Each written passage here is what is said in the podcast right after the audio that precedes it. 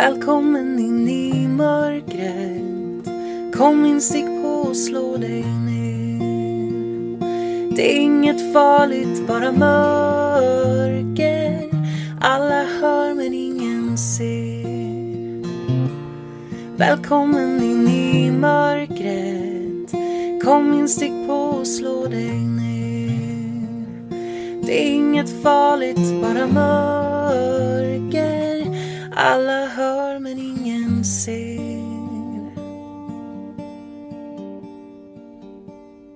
Hej och välkomna till Mörkret.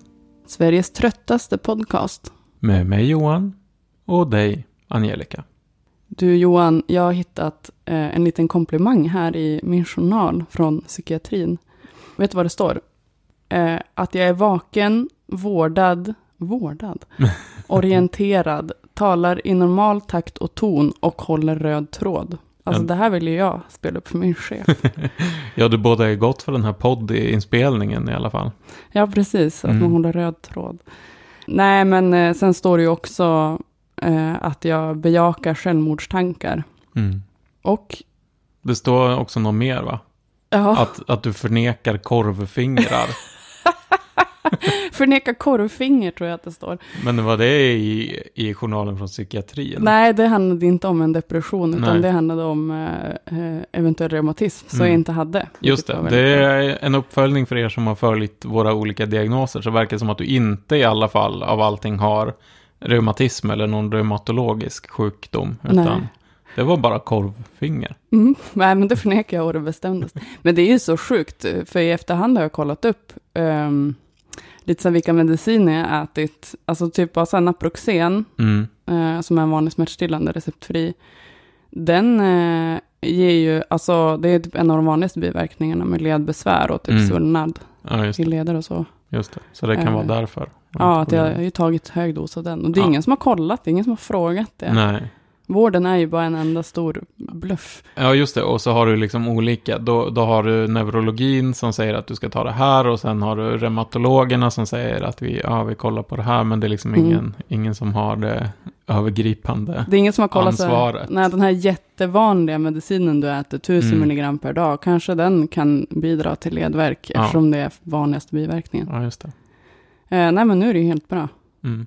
Med Mm. din reumatism. Ja, Eller och jag har haft stora problem. ledproblem. Ja, alltså jag har du haft knölar haft. på Du lederna. har haft och så. korvfinger. Även om du förnekar det. Jag sa ju det, kommer du ihåg det? När vi kom tillbaks till jobbet efter semestern så, så noterade jag att dina händer var mindre. Ja, eh, fingrarna är smalare. Ja. Ja. Det är så fint att du säger det, för jag kände mig knäppt där ett tag. Jag var- Nej, men det kronisk. syns, det syns påtagligt faktiskt. Ja, Jag kan se det. gud vad fint. Mm. Och jag är så glad att jag har dig Johan. alltså, du är ju en av de största skyddsfaktorerna till att jag inte har blivit totalt jävla knäpp Ja. de här senaste åren. Nej, men eh, eh, en sak har du inte lyckats stoppa och det är den här depressionen. Nej, gud vad hemskt det där lät. Ja, Nej, men det är inte... tar, jag tar inte på mig det Nej, gör inte det. Jag försökte bara på något snyggt sätt hålla Mm. röd tråd. Mm, just det, för som det står i din journal så är du bra på att hålla röd tråd. Nej, men, vi kan väl säga det att du är inne i en depressiv period, eller hur vill du beskriva det liksom? Ja, en, ja, jag har en depression. Och det, Mm. alltså, det har jag inte haft på många år. Alltså, jag har ju återkommande depressioner. Eh, men nu var det många år sedan. Eh, och det var nästan så här, jag var hos psykiatrin och så sa jag så här, men jag, det stod ju som sagt i min journal så här, bejaka självmordstankar. Och det är ju inte att jag går runt och, och vill dö hela tiden eller har några planer på det. Så det behöver ingen vara orolig för. Men, men det finns ju där och så är det ju. Alltså för mig som för alla deprimerade, att är man deprimerad lite för länge eller lite för mycket, då eh, kommer det ju tanken på att så här, gud vad skönt det skulle vara om allt upphörde. Och det är inte för att Mm. jag hatar livet, utan det är för att jag inte orkar må dåligt med det. Mm. Eh, men sen skulle jag ju aldrig göra någonting. Mm. Men det är ju, man ska ju ta det på allvar. Och de gjorde ju det, de blev ju så här oroliga. Mm. Det var ju lite obehagligt. Men eh, när vården bryr sig. Mm. Alltså det är ju alltid lika otäckt. Ehm, och bokade in massa besök och så. Mm. Eh, men nu har jag mått lite bättre. Men jag har ju haft svårt att veta när jag är i en depression. Dels för att jag varit så mycket deprimerad och dels för att jag är ganska pessimistisk. Ja. Så, pessimistiskt lagd. Så jag tycker inte det är så konstigt att må skit liksom. Nej, just det. Eh, men nu har det varit så påtaglig skillnad i sommar och sådär. Och det jag märker är att dels, det som är skillnaden för mig och hur jag kan märka, för att jag, alltså jag har ju de här svängningarna varje dag som jag har ADHD. Mm. Alltså upp och ner i, i starka känslor. Och då kan det ju vara svårt, tycker jag, att så här, över tid förstå vad det är man rör sig i. Mm. Men det som är skillnaden är att jag känner alltså en ganska djup hopplöshet. Mm. Och eh, att saker inte är roligt. Så som jag märkte det först. Och då hade jag nog varit deprimerad ett tag. Dels för att jag har fått några panikångestattacker och så haft mycket ångest. Mm. Men dels också för att jag eh, tyckte inte att det var roligt att scrolla mer. Alltså det var, och då kom det upp så här en fras från typ mina vårdkontakter, så här, eller Vårdguidens artikel om depression, så här, Mm. att man inte tycker att vanliga saker är roligt längre, som man det. brukar tycka om. Mm. Mm. Och jag bara, Instagram är ju helt meningslöst. så bara, "Hå! nej, herregud. Eh, så att, men, och sen också det här att har jag flest bra dagar eller har jag flest dåliga dagar? Och jag har flest dåliga dagar. Mm. Och sen kan jag ju fortfarande känna glädje, men jag kan känna mig så här avkapad liksom. Och sen Mm. vissa dagar är det precis som vanligt och jag känner mig glad. Men nu skulle de kolla för att nu har jag haft alltså supersvår migrän i typ två månader. Mm. Eh, alltså det har verkligen varit skit Mm. på frekvensen nästan varje dag. Mm. Och jag kan helt ärligt inte säga vad som är migrän och vad som är depression. För att Nej. när man har mycket migrän så är man ju som nedsläckt mentalt. Just. Det finns ju någon, jag tror att det heter någon sån här major brain depression eller något sånt där. Mm. Det händer någonting kemiskt i hjärnan Mm. med serotoninet och typ neuronerna vid migränattack som har något sånt namn. Ja. Så att hjärnan typ, Det liknar liksom varandra, vad som händer i hjärnan. nej det liknar inte varandra, det heter vad det men jag tycker att det Okej. var talande för man mår Ja. så jävla dåligt av en migränattack. Ja. Alltså man blir väldigt, alltså nedstämd av själva migränattacken i Mm, sig. mm. Inte att så här, det är för att det är ont eller för att det är jobbigt, Nej. utan man blir liksom ja, mentalt dålig. Typ. Mm. Ja, så jag ska få en ny botoxkur mot min migrän och sen så får vi se. Mm. Men då, alltså det är inget, det... Ja, jag känner bara så här, alltså what's the point? Alltså det går ju aldrig över. Nej. Alltså det är så mycket eh, kamp med allting. Och jag har känt typ hela tiden bara, om jag bara klarar av det här, om jag bara klarar det här. Men nu känner jag bara, men det går ju aldrig över. Nej. Och jag eh, tycker att det är för svårt för att lyckas acceptera att så här, det här, så här kommer mitt liv vara om jag inte får tänka att det kommer gå över. Mm. Men sen kan jag ju komma till någon slags acceptans. Mm. Men just nu känns det inte så. Men jag försöker inte typ bli så nojig för jag tänker så här, det... Eh, alltså det är ett mirakel att vi kan göra den här podden, jag kan jobba, Mm. jag har barn själv varannan vecka, Mm. trots att jag varit så jävla sjuk alltså. Mm. Jag jobbar ju heltid, det borde inte ens gå. Så jag borde vara deprimerad nu. Jag borde vara svintrött. Ja, Eh, annars vore jag onormal. ja, verkligen. Visst. Ja, ja, jo, det är jag full förståelse för. Jag tror väldigt svårt i din situation att inte bli väldigt Mm. påverkad.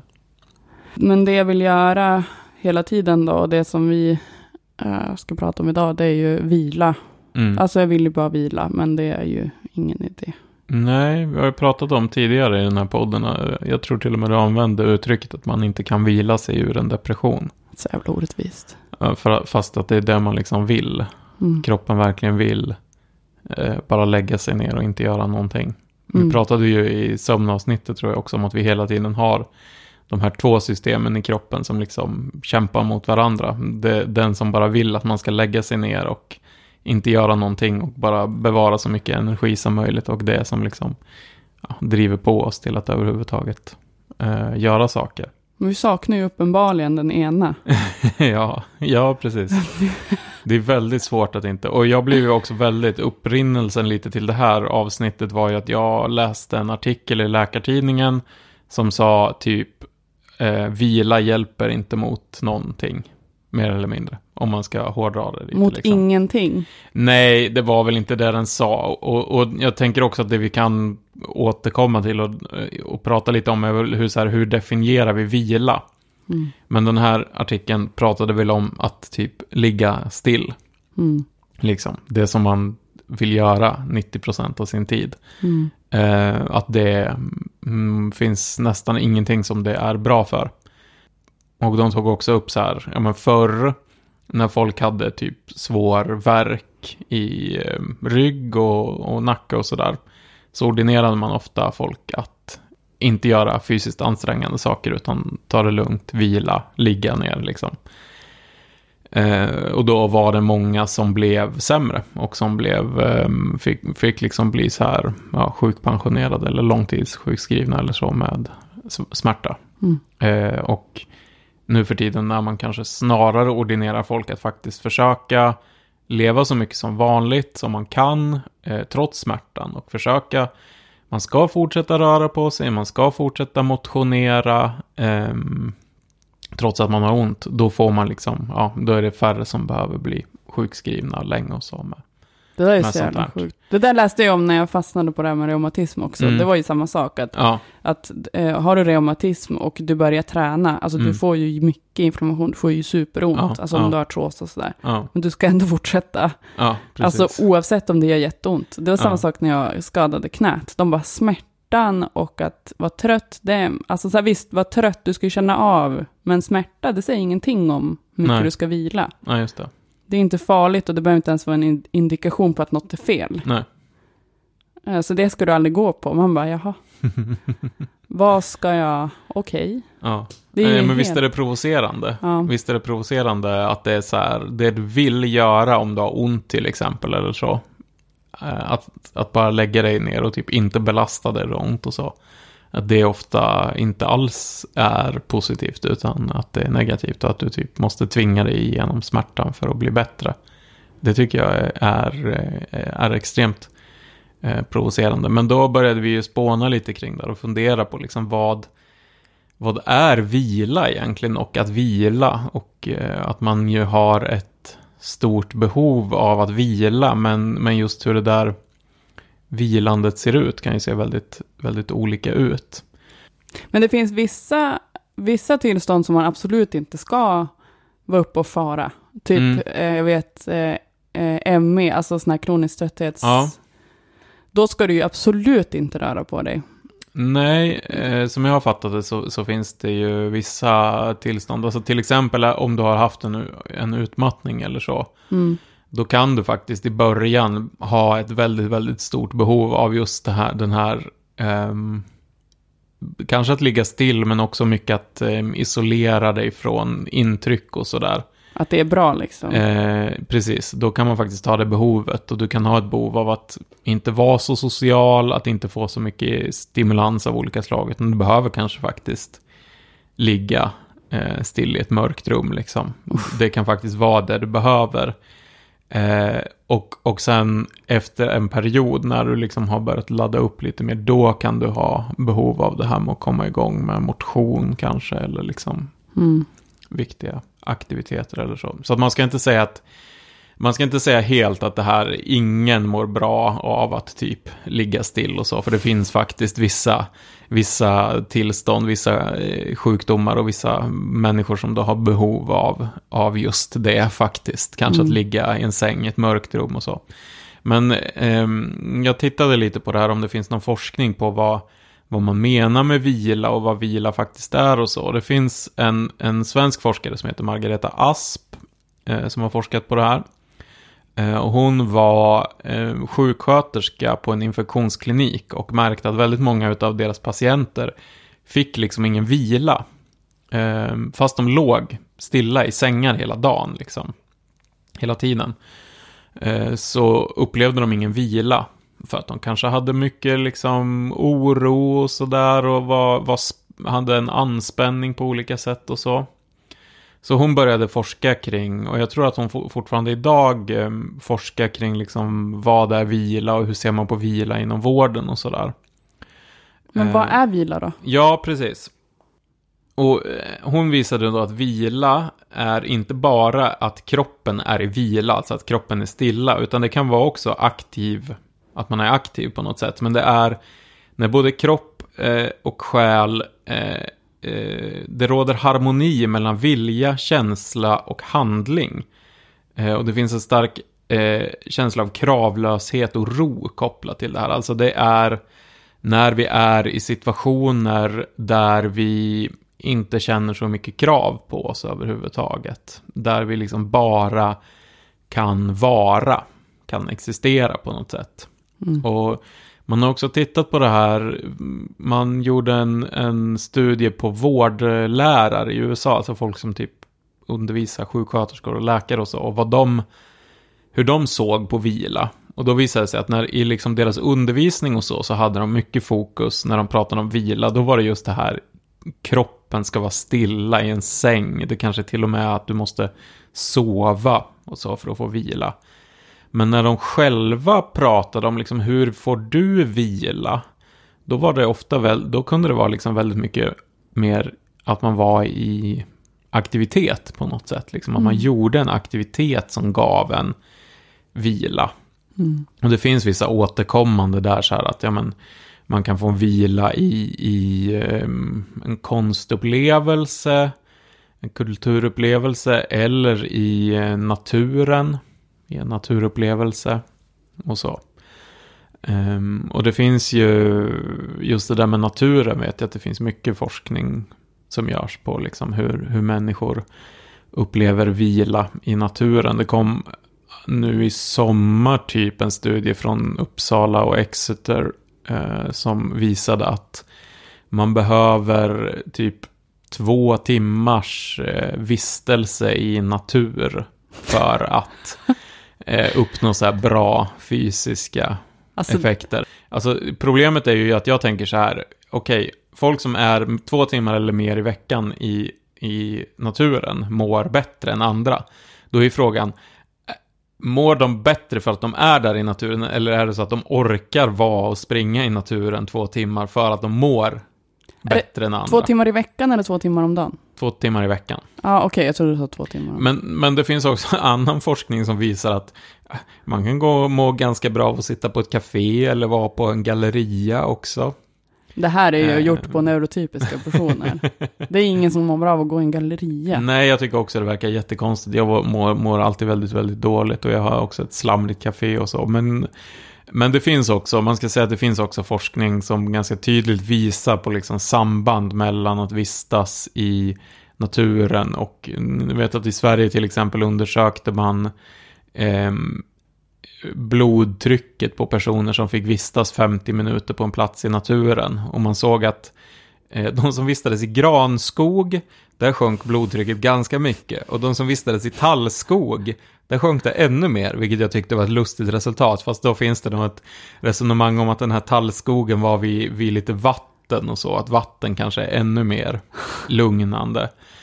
Eh, och det finns, eh, jag tror att det var i USA som man gjorde forskning på det där, där man, där man tittade på liksom varför, varför mår folk psykologiskt sett bättre. Alltså inte att man tittade på några, fysi- mät- mätte några fysiska, utan man lät, jag tror man gjorde så att man lät två grupper, en grupp gå en liten promenad i skogen och en grupp gå en liten promenad i stan. Och så tittade man liksom på deras humör, alltså man djupintervjuade dem. Och då visade det sig att de som hade gått i skogen mådde betydligt mycket bättre och de hade också mindre ältande då.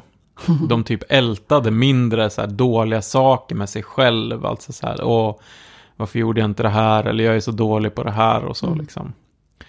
Eh, och det finns teorier om att anledningen till att vi upplever en sån djup vila i skogen som vi inte upplever på en promenad i stan är för att i stan så måste vi hela tiden liksom där kommer en massa beslut som vi måste ta hela tiden och vi måste vara uppmärksamma liksom.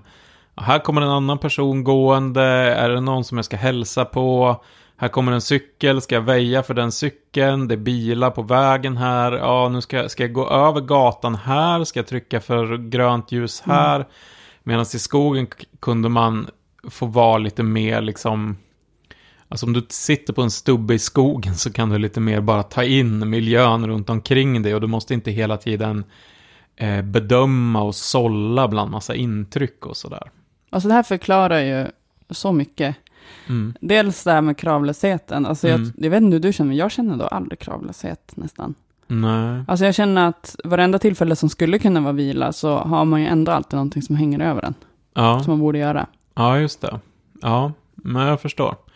Ja, det där är ju väldigt svårt. Det är därför som, nu har vi precis, vi har kommit tillbaka från semestern och sådär, eh, ganska nyligen. Eh, och för mig är det väldigt viktigt att ha en lång sammanhängande semester. Jag har alltid försökt ha liksom fem veckors sammanhängande semester på sommaren. Mm. För att för mig är det liksom någon eller några veckor in som jag kan komma in i den där kravlösheten verkligen.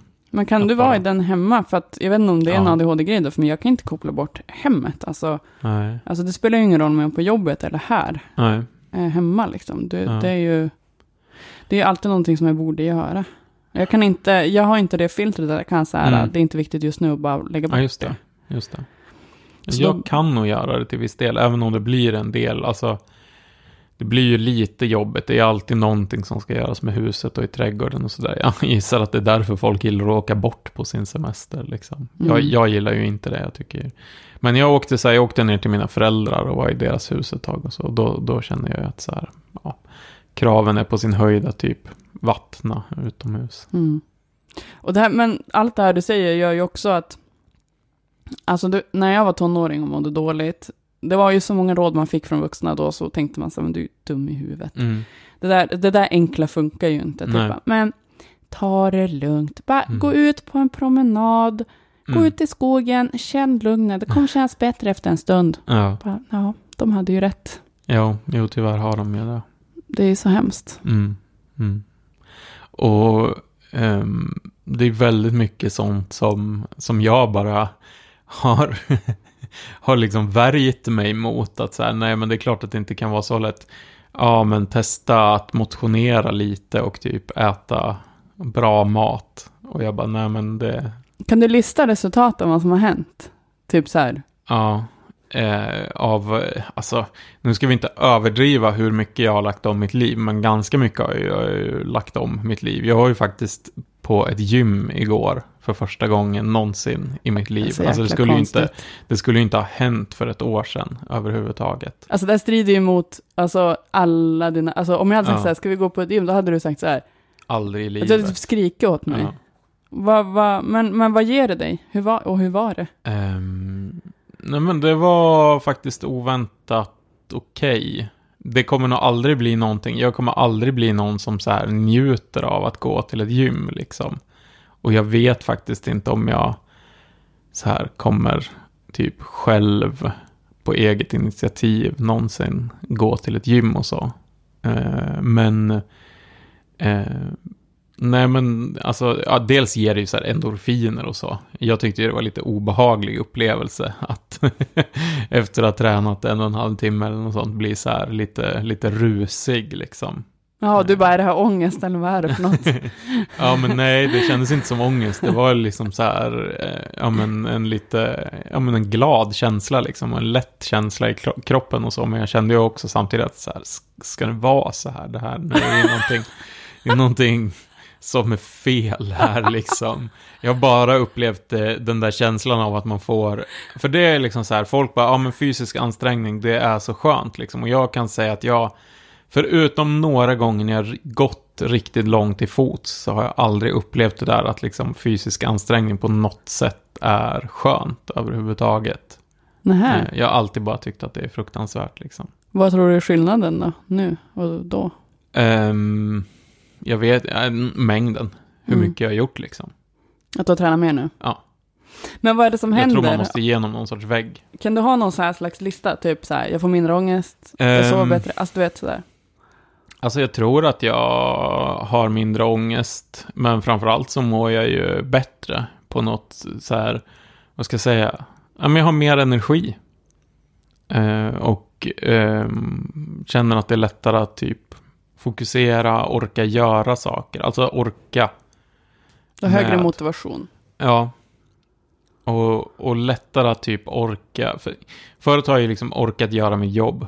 Oftast. ibland har jag ju också, det vet ju du, att jag ibland har haft dagar när jag bara tittar ut genom fönstret liksom. Mm. Men oftast så har jag ju liksom haft den energi som behövs för att göra mitt jobb 40 timmar i veckan. Men sen har jag ju typ inte haft energi till Mm. mer.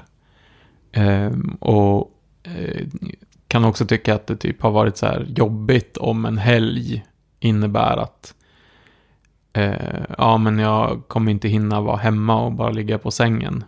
För jag har behövt, eller känt att jag har behövt den återhämtningen liksom. Mm.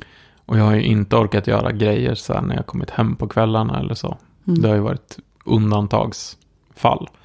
Men nu känner jag ändå att jag har eh, den, den energin. Och det beror ju säkert på att jag är mer, mer fysiskt aktiv, äter bättre, typ försöker leva lite bättre, försöker ha lite mer rutiner och så. Mm. Men det är ju svinjobbigt när man har varit en människa som i 33 års tid bara, nej, det tror jag inte på. Det där är bara normie snack liksom. Och sen bara, jo, Hälsohets. hälsohets, eh, hälsofascism liksom. Och sen bara, ja okej, fast det, Ja, för det är inte som att du har varit så här, ja men jag är body positive, eh, alla på sina villkor, utan du har ju varit aktivt mot motion. ja, alltså, prata inte. Jag, det är så jag tror jag nämnt det förut, men det var som Mm. när jag sa så här, kan vi inte ta trapporna istället för hissen Ja. upp till lunchrummet? Och du bara, det här var ju när jag precis nyanställd, Mm. och så tittar du på mig och bara, sånt där håller inte vi på med här. nej. Jättearg. och jag bara, oj, det här var en öm tå liksom. Ja. Mm. Och nu är ju du den som skulle göra det först typ. Ja, men ja, nej, nej, men eh, jag har nog förändrat min, min syn på det. Och då förändrar man ju också lite sin syn. Alltså jag har nog mer insett att ehm, det ger också någon sorts vila, eller vad jag ska säga. Mm. Alltså att den, eh, jag har ju blivit den, förut har jag liksom planerat, verkligen tänkt så här, okej men hur ska jag kunna anstränga mig minst möjligt liksom. Mm. Ja men jag är, här är jag liksom, är vid eh, min vårdcentral och då tänker jag så här, okej men var, då går jag hit till närmaste busshållplats där jag kan åka buss till. på vägen till... finns det ett skråmål.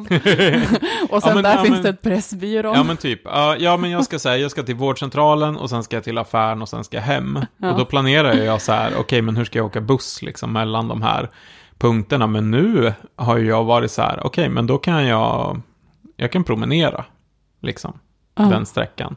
Eller när jag kommer med tåget från, från Stockholm hem så har jag flera, flera gånger nu istället för att gå till den närmaste busshållplatsen och ta bussen liksom promenerat eh, några kilometer till en annan busshållplats liksom. Alltså, det, alltså jag undrar dig det här Mm. 100%, men det Ja. är fortfarande så jäkla konstigt att Ja. höra. För att Ja. det är som att eh, halva din personlighet har bytts ut Mm. eh, mot en glad Johan som gillar att gå en bit. Men Ja. ja. jag, alltså det är fortfarande jättekonstigt. Men jag försöker ju också inte vara den som typ predikar det här eller blir, nå- alltså jag är ju ingen träningsmänniska. Jag tycker ju fortfarande att det är dumt liksom. Jag tror att det finns en överhängande risk att du till slut kommer ha eh, kompressionstights och shorts utanpå. Ja, det här har ju varit en diskussion mellan oss. För jag har ju också köpt träningskläder och då har jag ju köpt shorts, men inga sådana kompressionstights. Jag har ju en tes om att man flashar sig. Alltså har du bara tights Mm, och du är kille ja, och har sånt som de flesta killar har. ja. Då, då flashar du dig om du har bara tights eller om du bara har shorts. Du måste ha båda. Ja, ja, nej. Jo, Du kommer aldrig se mig. Alltså jag har ju underbyxor på mig. jag har, ju- jag har ju min gördel. Jag, jag har boxershorts på mig. När jag Ja, men ändå. Ja. Skitsamma, jag vill inte prata om det här. nej, varför tog du Det upp det var här? det är du som börjar. Nej, Varför har det vi diskuterat det här så många Ja. gånger? Det här är en återkommande diskussion och du tycker att jag ska köpa tights. Och det kommer inte hända. Blev inte du sur en gång? Jo, för att du, inte för långt. du tjatade om detta. Alltså jättemycket. Jag vill inte ha tights. ja, men det är fint. Vi tar hand om varandra. Mm.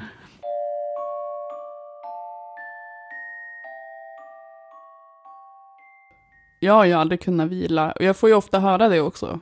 eh, av andra. Eh, jag vet att min mamma brukar alltid säga så här, Angelica, du vilar ju aldrig. Sätt dig ner. Mm.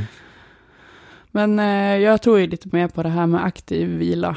Mm. Eh, det är skillnad på, alltså jag måste hålla koll, är det så att jag inte kan sitta ner och ta det lugnt för att jag känner att jag måste göra någonting i tiden och Mm. resa på mig, då är det ju fråga om någon slags här utmattningssymptom, tycker Mm. jag. Mm. Eh, men att sitta ner och vila, det har som aldrig varit något för mig. Men ehm, Ja, precis. Men det är väl det som forskningen visar, att det, är liksom det här med att ligga still eller vara i en säng Det är också väldigt intressant, jag vet, att det finns en del, jag tror Margareta Asp till exempel har skrivit en del om det här och så att vården är ju väldigt fokuserad på att du ska vara i en säng. Mm. Alltså en vårdplats är ju en sängplats, det är det du får, du får en säng liksom. Och de vill gärna att du ska hålla dig där, för då är du lätt att hantera liksom, alltså när du är Du sova. in, inlagd. Eh, och, och då finns det ju många som antagligen skulle må bättre av något annat liksom. Förstår du? Eh, än att vara, än detta väldigt starka fokus på just eh, sängen. Förstår du Johan? När man kommer till psykiatrin, Mm, man, när alla kommer till psykiatrin. mm, Men om man blir inlagd, då är det ju, får man ju ett rum med en säng. Ja, Förstår du om man skulle komma dit och så skulle det vara ett träningsband. ja. En PT från Ja. Biggest Loser som bara rör på dig tjockis. Håller en bakelse framför en. ja. Spring. Eller kanske typ en Stesolid. Eller någon sån här benzo. så att du liksom, när du är klar med loppet, då får du den här. Mm, mm. Alltså jag svär det skulle ha bättre resultat. Ja, alltså för vissa skulle du nog ha det. Vissa ehm, har liksom, behöver inte eller har inte förmågan att komma till vila bara för att man lägger sig ner och är stilla liksom. Utan där handlar det om att man behöver andra eh, aktiviteter och det är just det här, liksom de kravlösa aktiviteterna på något sätt. Men när känner du att du, när får du din vila? Får du någonsin din vila? Nej, nej, alltså jag har ju svårt att känna det. Mm. Ehm, men jag har också accepterat att det är en del av min ADHD. Alltså, Mm. jag tror att hade jag inte jobbat och haft så här mer stöd och så, Mm.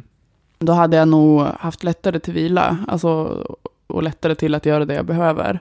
Men eftersom jag har valt ett liv där jag jobbar heltid trots att jag har ADHD, då blir det ju som att eh, jag rör mig på någon slags utmattningsskala hela tiden. Mm.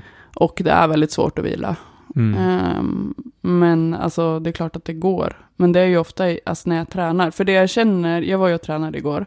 Och ja, det just det. Vi känner, tränade faktiskt båda. Ja, Lite unikt. Inte tillsammans då, men nej. även om du har sagt att vi ska träna Men det ska tillsammans vi. Eh, när vi rätt ut det här med shortsen. Nej, jag skojar bara. Nej, men jag var på eh, sparring faktiskt. Eh, Mm. på, på boxning, kickboxningen.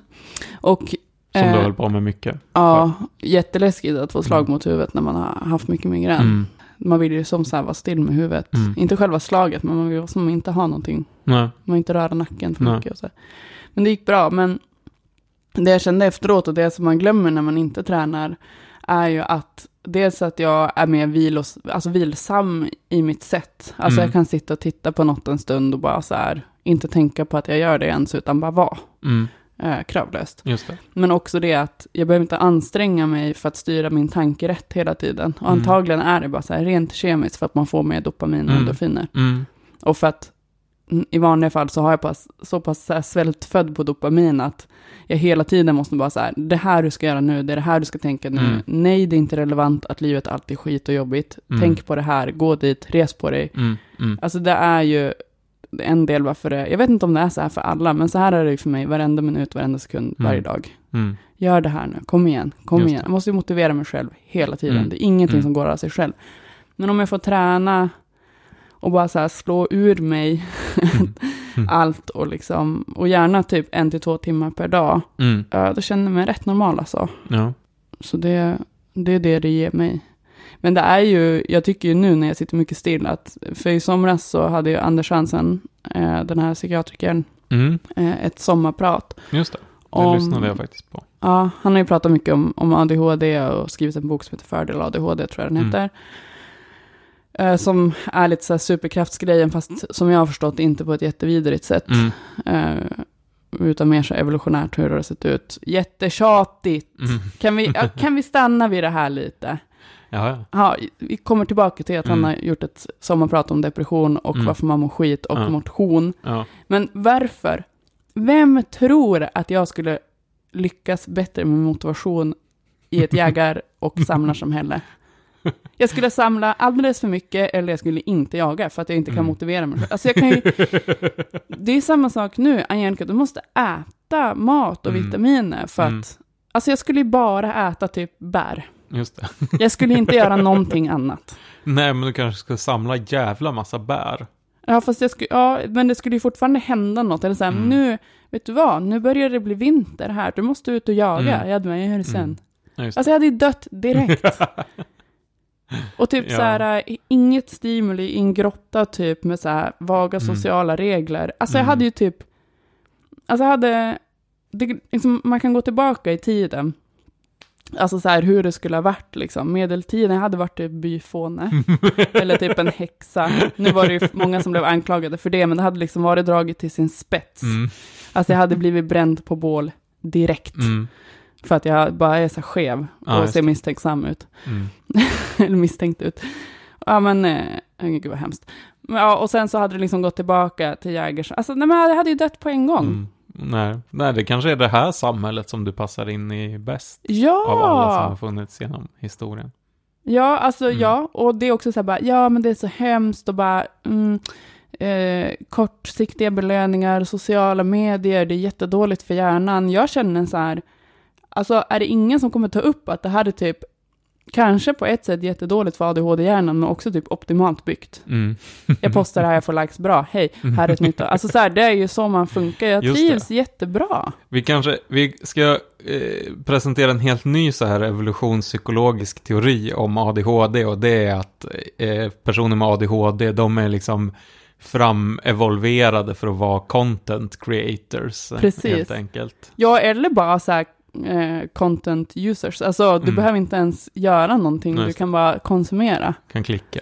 Ja, Det är, ADHD är, eh, evolutionen har skapat de perfekta klickarna och scrollarna. Liksom. precis. Och det tar aldrig slut. Mm. Man brukar säga att hjärnan eh, premierar kortsiktiga belöningar Mm. framför lång, lång, alltså Mm. långsiktiga, när man har ADHD. Mm. Delvis för alla, men mer när man har ADHD. Men och det har, fortsätter ju bara komma. har du funderat på att bara sätta dig på någon sån stubbe i skogen och liksom se Vad som händer. Swipa på någon koltrast eller vad, jag vet inte vad man ska Vad, vad snackar du om nu? Vadå? Nej, jag vet Ska jag inte. ragga på en koltrast? Nej, jag kanske dubbelklicka på en sädesärla eller något sånt. Jag Vad vet inte. snackar du om? Har du fått stroke? Nej, men jag tänker att i, i, i det gamla samhället så kanske du bara skulle ha, ha haft liksom, ditt content hade varit i natur. Jag vet inte, det här var en jätte, här är en jättedåligt spår vi är inne på just nu. Jag förstår inte riktigt ens vad vi pratar om. Men vi pratade om han Anders Hansen och hans sommarprat. Ja, Och på jag var ju tal om att tvungen- dejta sädesärlor. Ja. Anders Hansen. Han, han spelade ju väldigt bra musik. Han spelade bland annat min favoritlåt, uh, Rainy Night in Soho med The Pogues. Så då kände jag att så här, okej, jag får väl lyssna på den här jävla jogginggubben liksom. För eh, annars är ju, alltså han är ju sån typiskt exempel på en sån som jag blir provocerad av. Som bara, han har skrivit den här boken Järnstark som handlar om att typ, ja men fysisk träning är liksom bra för hjärnan. Du blir liksom, du blir smartare av att, av att träna. Du blir yngre. Och, och då vill ju jag säga så här som bara rent motbevis till all hans forskning. Har du träffat folk som tränar väldigt mycket? men men okej, han har väl kanske lite på, på benen i den här frågan liksom. Ja, gud ja. Och hans sommarprat, jag tyckte hans sommarprat var ganska bra. Jag tyckte det var, Det var ju bra. intressant att lyssna på. Och det har ju faktiskt. fått, alltså det handlar ju om det här att, dels så tog han upp eh, att vi är liksom predisponerade att må skit. Alltså det är inte konstigt att må dåligt, det är inget normalt mänskligt tillstånd att må bra. Mm. Och det är därför många mår Just dåligt. Eh, Vår uppgift med den här podden är ju att ta reda på vad mörkret inom oss alla består av Ja. och varför det kommer. Ja. Eh, det har ju han redan svarat på. Men eh, vi går vidare så vi slipper lägga Ja. ner podden. Men, eh, och att eh, motion hjälper i många fall Mm. eh, mot eh, lindrig till måttlig depression, men liksom har Ja. också en skyddande effekt på att uttaget få tillbaka en depression. Mm. Mm. Just det. Har du haft många depressioner, då får du lätt igen, så det är väldigt dåligt att ha återkommande depressioner. Mm. Och det här har ju gjort att, man har ju sett på Instagram, jag vet inte hur det har sett ut på din, men att många är ute och motionerar. Ja, jag tror att det blev en, en inspiration där för Ja. folk. Det är också något annat som man pratar tror jag, som har tagit upp skärmtid, för det är många som har bara, hej, åh, nu har jag varit borta en månad från sociala medier. Man bara, skryt lagom, du är ju tillbaka nu Ja. och ska hova in likes på att du har varit borta en månad, jävla äckel. Ja, men alltså det är ju Ja, nej, vidrigt med. beteende. Ja, herregud. Om du ska försvinna från sociala medier, gör ingen grej av det. Nej, försvinn bara. Logga bara ut och så prata aldrig om det. det är, alltså folk som ska göra en stor grej och säga Ja, nu, nu försvinner jag från Twitter ett tag, vi får se om jag kommer tillbaka. Ja, finns inget tydligare sätt att visa att man är ute med hoven efter lite vilket jag i och för sig också har hävdat i den här podden att jag tycker det är okej när folk vill ha uppmärksamhet, att vi inte ska vara så liksom... Ja, fast det är ju vidrigt också bara, jag har, Mm. nu efter min månadslånga eh, cleanse här, man Mm. bara, jag har inte ens märkt att du var borta. Nej, just det. Alltså, och jag uppskattar ändå Ditt ditt content är för dåligt för att det här ska spela någon roll liksom. Ja. Om typ Ponny Hans på Instagram skulle vara, ha en social media cleanse, då skulle det vara en, en katastrof. Men dig, jag bryr mig inte liksom. Jag har blinkat sådär skitlänge. Okej, vi har eventuellt någon sorts eh, spökhändelser här i podcastingstudion. För att nu har ett ljus, det, det är liksom i, i hallen här så är det någon sorts blinkande ljus. Det är Gud. Så att vi, vi kommer bryta lite här så för att undersöka de här spökerierna. Det är Gud som säger att vi är inne på rätt spår med det här. Nej, det är något eh, elfel faktiskt. Det, det är något elfel, säger Angelica. Och nu ska hon ta sin medicin. Det här blir bra. Det här spökjakt och eh, medicin. Kolla Johan, nu ska vi se om jag träffar min mun. Mm. Då kan du berätta om min superkraft sen.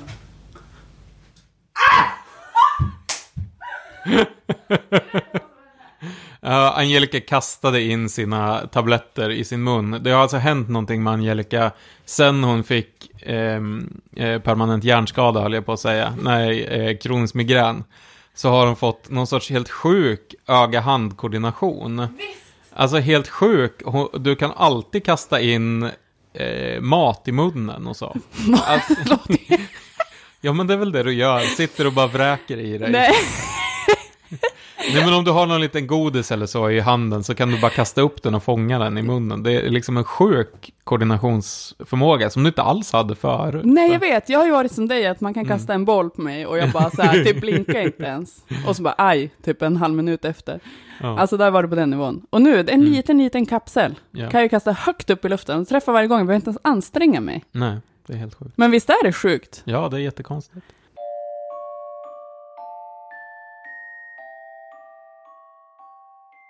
Jag har ju så här haft en ganska stark dikotomi, eller vad man ska säga, mellan vila och motion, eller mellan vila och fysisk aktivitet. Och att liksom, att vila, att få energi, det är att vara still.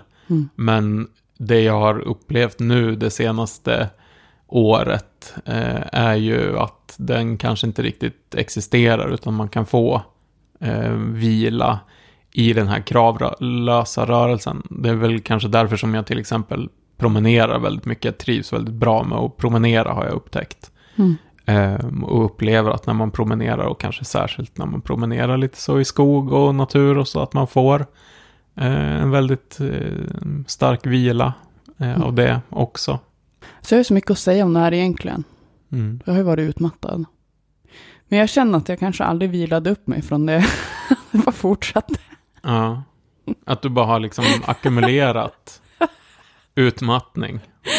Ja, men jag vet att det fanns liksom ett före utmattning. Det här var ju flera år sedan. Det var ju Mm. när min son precis hade fötts. Ja. Vi började jobba och så skulle jag sluta amma, amma den då. Alltså du vet, så här, Mm. var uppe på nätterna. Och så vet jag att jag, kom, jag hade den här, nu är jag svårt att hitta på mitt Mm. lokala Hemköp. Och Mm. jag åkte till fel våning och Mm. hade jättesvårt att hänga med i samtal Ja. mellan folk. Och eftersom jag upplevt det så vet jag ju nu, när folk säger att du är nog utmattad, jag Mm. bara, nej, jag är nog inte inte det. det. För att jag tycker fortfarande att det är roligt att göra grejer och jag orkar och jag Mm. kan ha, alltså Mm. ett samtal kan fortfarande Mm. ge mig väldigt mycket. Ja. Men, men eh, jag kände inte att jag, då hade jag ju mer koll på så här, okej men så här var det innan det här så mådde jag så här och kunde vila och må bra. Nu är det ju liksom mera typ någon slags konstant utmattning och bara nu är jag nog lite långt ut på skalan här Mm. för nu eh, känner jag inget här i min ena kind. Mm. Så jag går hem en stund. Ja. Men för mig gör det liksom, det tycker jag man pratar om sällan, att så här, vila för mig, för det är ofta så här, du ska jobba dina timmar så ska du ha sammanhängande dygnsvila. Mm. Du ska ha eh, sammanhängande, så här, typ på sommaren. Mm. Mycket är, ja, det där är ju ställt utifrån någon slags norm. För att när Mm. jag mår som bäst, det är när jag får styra över min egen tid. Eh, jobba lite när jag har energi nog. Mm. Så att jag slipper pressa mig själv de dagar jag verkligen har så här låg förmåga. PGA, ADHD. För att Ja. det, det skiftar ju så mycket. Ja. Jag brukar ju säga till dig att så här, idag vaknar jag tyvärr efterbliven. Och det är så jävla obehagligt, för jag gör ju verkligen, jag klarar Mm. inte av någonting vissa Nej, dagar. Nu kanske man inte får säga det ordet, men skit i. Mm. Du har TF. Jag har TF. har tolkningsföreträde på att vara efterbliven. Ja, det är nej men du har ju väldigt, eh, vad ska jag säga, det märks ju på dig att du är, eh, eh, att det går, att det går, inte att du är efterbliven, men att det går i vågor liksom. Mm. Och du kan ju vara extremt produktiv Mm. eh, under perioder liksom. Eh, Ja, med lätthet liksom. Och eh, jag försöker säga åt dig att typ gå hem från jobbet och gå och lägga dig och sådär. Men jag kanske inte borde göra det så mycket för att jag märker ju också att du typ klarar det. Ja. Alltså, jag, att du, du vet kanske själv var dina gränser går. Så. Eh, men det är också det vi har pratat om, att du, jag tror att du får ditt liksom, oxytocin från ditt jobb och så. Alltså du har knutit an till ditt jobb på ett kanske inte, inte sunt sätt. Eh, Jag har ju så svårt för gos, du ja, vet. vi pratade om det fina, att du kände så här att du kunde få en kram och att du fick så här, fick ut typ samma som du får av att vara på ditt jobb av det. Och att det, Ja. Närhet med min son. eh, nej men gud vad hemskt, jag tänker man hör på. Nej men så här närhet med någon, nu går det inte att ta Mm. tillbaka. Nej. Nej men eh, ja, ett riktigt gos liksom. Och att skicka tidningen till tryck, alltså det är inte så stor skillnad. nej. Nej men alltså, ja men det är det jag känner att så här, nu, idag har jag energi, då måste jag få jobba. Men Mm. att om någon säger till mig så här, nu ska du vara i verksamhet här åtta Mm. timmar en dag då jag känner mig helt urlakad. Mm. Då, då kan jag känna att då får det som konsekvenser, det blir någon slags snöbollseffekt. Ja. Jag får ont i huvudet, jag känner Ja. mig psykiskt skär, får en panikångestattack. Ja. Alltså nu är jag inte så känslig, men Men jag kan också tänka att vissa delar av ditt jobb, eh, kanske inte när du måste hålla på med sånt prenumerantregister och sånt som du brukar mm, svära till mig över ibland, men, men vissa delar som skrivandet och, och att hålla på med bilder och grafik och så, det kanske är din vila liksom, alltså att det finns en typ av Kanske inte riktigt kravlöst, för vi måste ju leverera någonting, men liksom, fast jag kan ju också uppleva det i, i, i viss mån i det jag skriver och så, även fast jag kanske skriver saker för, för pengar så att säga och måste leverera, att det kan vara, man befinner sig i flow och man får en, liksom en, mm, en typ av vila mm. i det också. Ja, och då om någon säger, nu måste du avbryta det och göra det här Ja. imorgon klockan Ja. åtta Ja, istället. precis. Då bara, ja, så om, om resultatet ska bli sämre och jag ska må skit så kan vi göra Ja. så, eller så kan jag få fortsätta Just i natt. precis. Ja, det funkar inte riktigt för dig som är så, typ har ett sånt kreativt jobb liksom. Eller det, åtminstone delar av jobbet är eh, så pass kreativt. Ja, ja, men det är intressant. Och, Nej, men alltså, hade, hade, så här, hade jag inte haft ADHD, då hade jag inte alls skyllt lika mycket på det här. mm, Att jag måste liksom göra så, för att jag tror att kreativitet eh, är ingenting som man liksom ska sitta och vänta på, man måste bara sätta igång och Ja. man måste ha så här speciella tider. Det är det typ alla författare säger till Ja. exempel. Ja. Men har man eh, faktiskt eh, alltså fel på sitt jävla dopamin, mm, då alltså, finns det inget dopamin där, finns det inget dopamin där. nej, Då, då kan jag liksom inte, jag kan inte ha grav PMS och bara, nu ska du skriva en skitbra artikel som får Nej. många klick. Nej. Ja, det, jag kan försöka det, men det kommer inte hända. Mm, mm, Alltså det kommer ju bara bli skit. mm. Jag funderar på i vilken mån den här, den här podden är vila för oss liksom. Ger den energi eller är den för, är det för mycket krav? Vi ställer ju ganska höga krav på oss själva i eh, relation till poddandet liksom. Nej, jag tycker, vet du. Ja, alltså vissa har ju försökt få mig att lägga ner podden. Ja, Så jag bara, men det är för mycket. Men jag bara, nej. Alltså det ger så himla mycket. ja Men jo, sen- den ger ju väldigt mycket. Men det kanske inte ger vila. Jag vet faktiskt inte. Jo, men det tror jag. Jag tror Ja. att det, det är en sån där uh, utmattningsfälla att så här, uh, men jag börjar skala bort grejer som ger mig. Ja, jag börjar sluta umgås med folk och sluta Mm. träna. Mm, Jag måste hinna göra det här. just det. Och därför har inte jag tagit bort podden. Nej. Det är också därför jag inte lyssnar på vad någon säger. Jag bara, du kanske borde sjukskriva dig. Jag bara, nej. Nej. Nej, men jag har ju fått höra det massa gånger, att så här, du kan inte vila dig från det här. Jag fick ju Mm. höra det när jag var gravid en gång också. Att man inte kan vila sig från en graviditet. Ja, för att jag hade sån extremt, inte extremt illamående, men jag mådde väldigt illa. Mm. Och eh, var jättetrött av graviditeten. Alltså har ju lätt för att bli liksom deprimerad om jag är Mm. gravid. Och då var det en eh, läkare som sa så här, ja fast visst du kan sjukskriva dig, men tro inte att du kan vila dig från det här. För att du kommer fortsätta vara lika trött. Ja, Så det är ja. bättre att du gör grejer, Ja. eftersom jag också hade en, jag, jag är ju nästan 100% extrovert då, så jag kan ju Mm. inte vara ensam för länge. För då blir jag ju Nej, det är sant. galen liksom. Vi ska faktiskt följa upp det där som vi pratade om i, i förra eh, podden, att vi hade gjort ett test på jobbet Mm. som visade att du var 100% extrovert och jag var 80% introvert. Det där, vi har ju faktiskt på något sätt, eh, eh, jag tror att vi har... Vi Eh, har smittat varandra. Vi Ett smittat år senare varandra. nu gjorde vi Mm. om samma test. precis, vi gjorde samma test igen på jobbet. Det var inte exakt samma test, det var inte samma frågor, men det var samma ja, 16 personalities. Ja. Och du blev, vad var det, 85% extrovert. Jag har alltså minskat min och jag blev... extrovertism. Ehm, ja, kommer inte heller ihåg. Men jag hade också minskat. Vi hade blivit, rört oss mer mot, mot mitten. Vi hade blivit mindre extrema helt enkelt. Mm, e- efter ett år med podden och umgåtts mycket. Ja, Ja, om ett år till då kanske vi är helt normala. ja, ja, det är spännande. Mörkret finns på Instagram. Vi heter Mörkret Podcast. Och vi finns också på Facebook. Där har vi en eh, Facebook-sida som också heter Mörkret Podcast. Och du kan följa oss eh, på sociala medier. På Instagram finns Angelica under namnet Angelica Ogland. Och jag finns på Eh, Twitter under namnet ordförande Johan.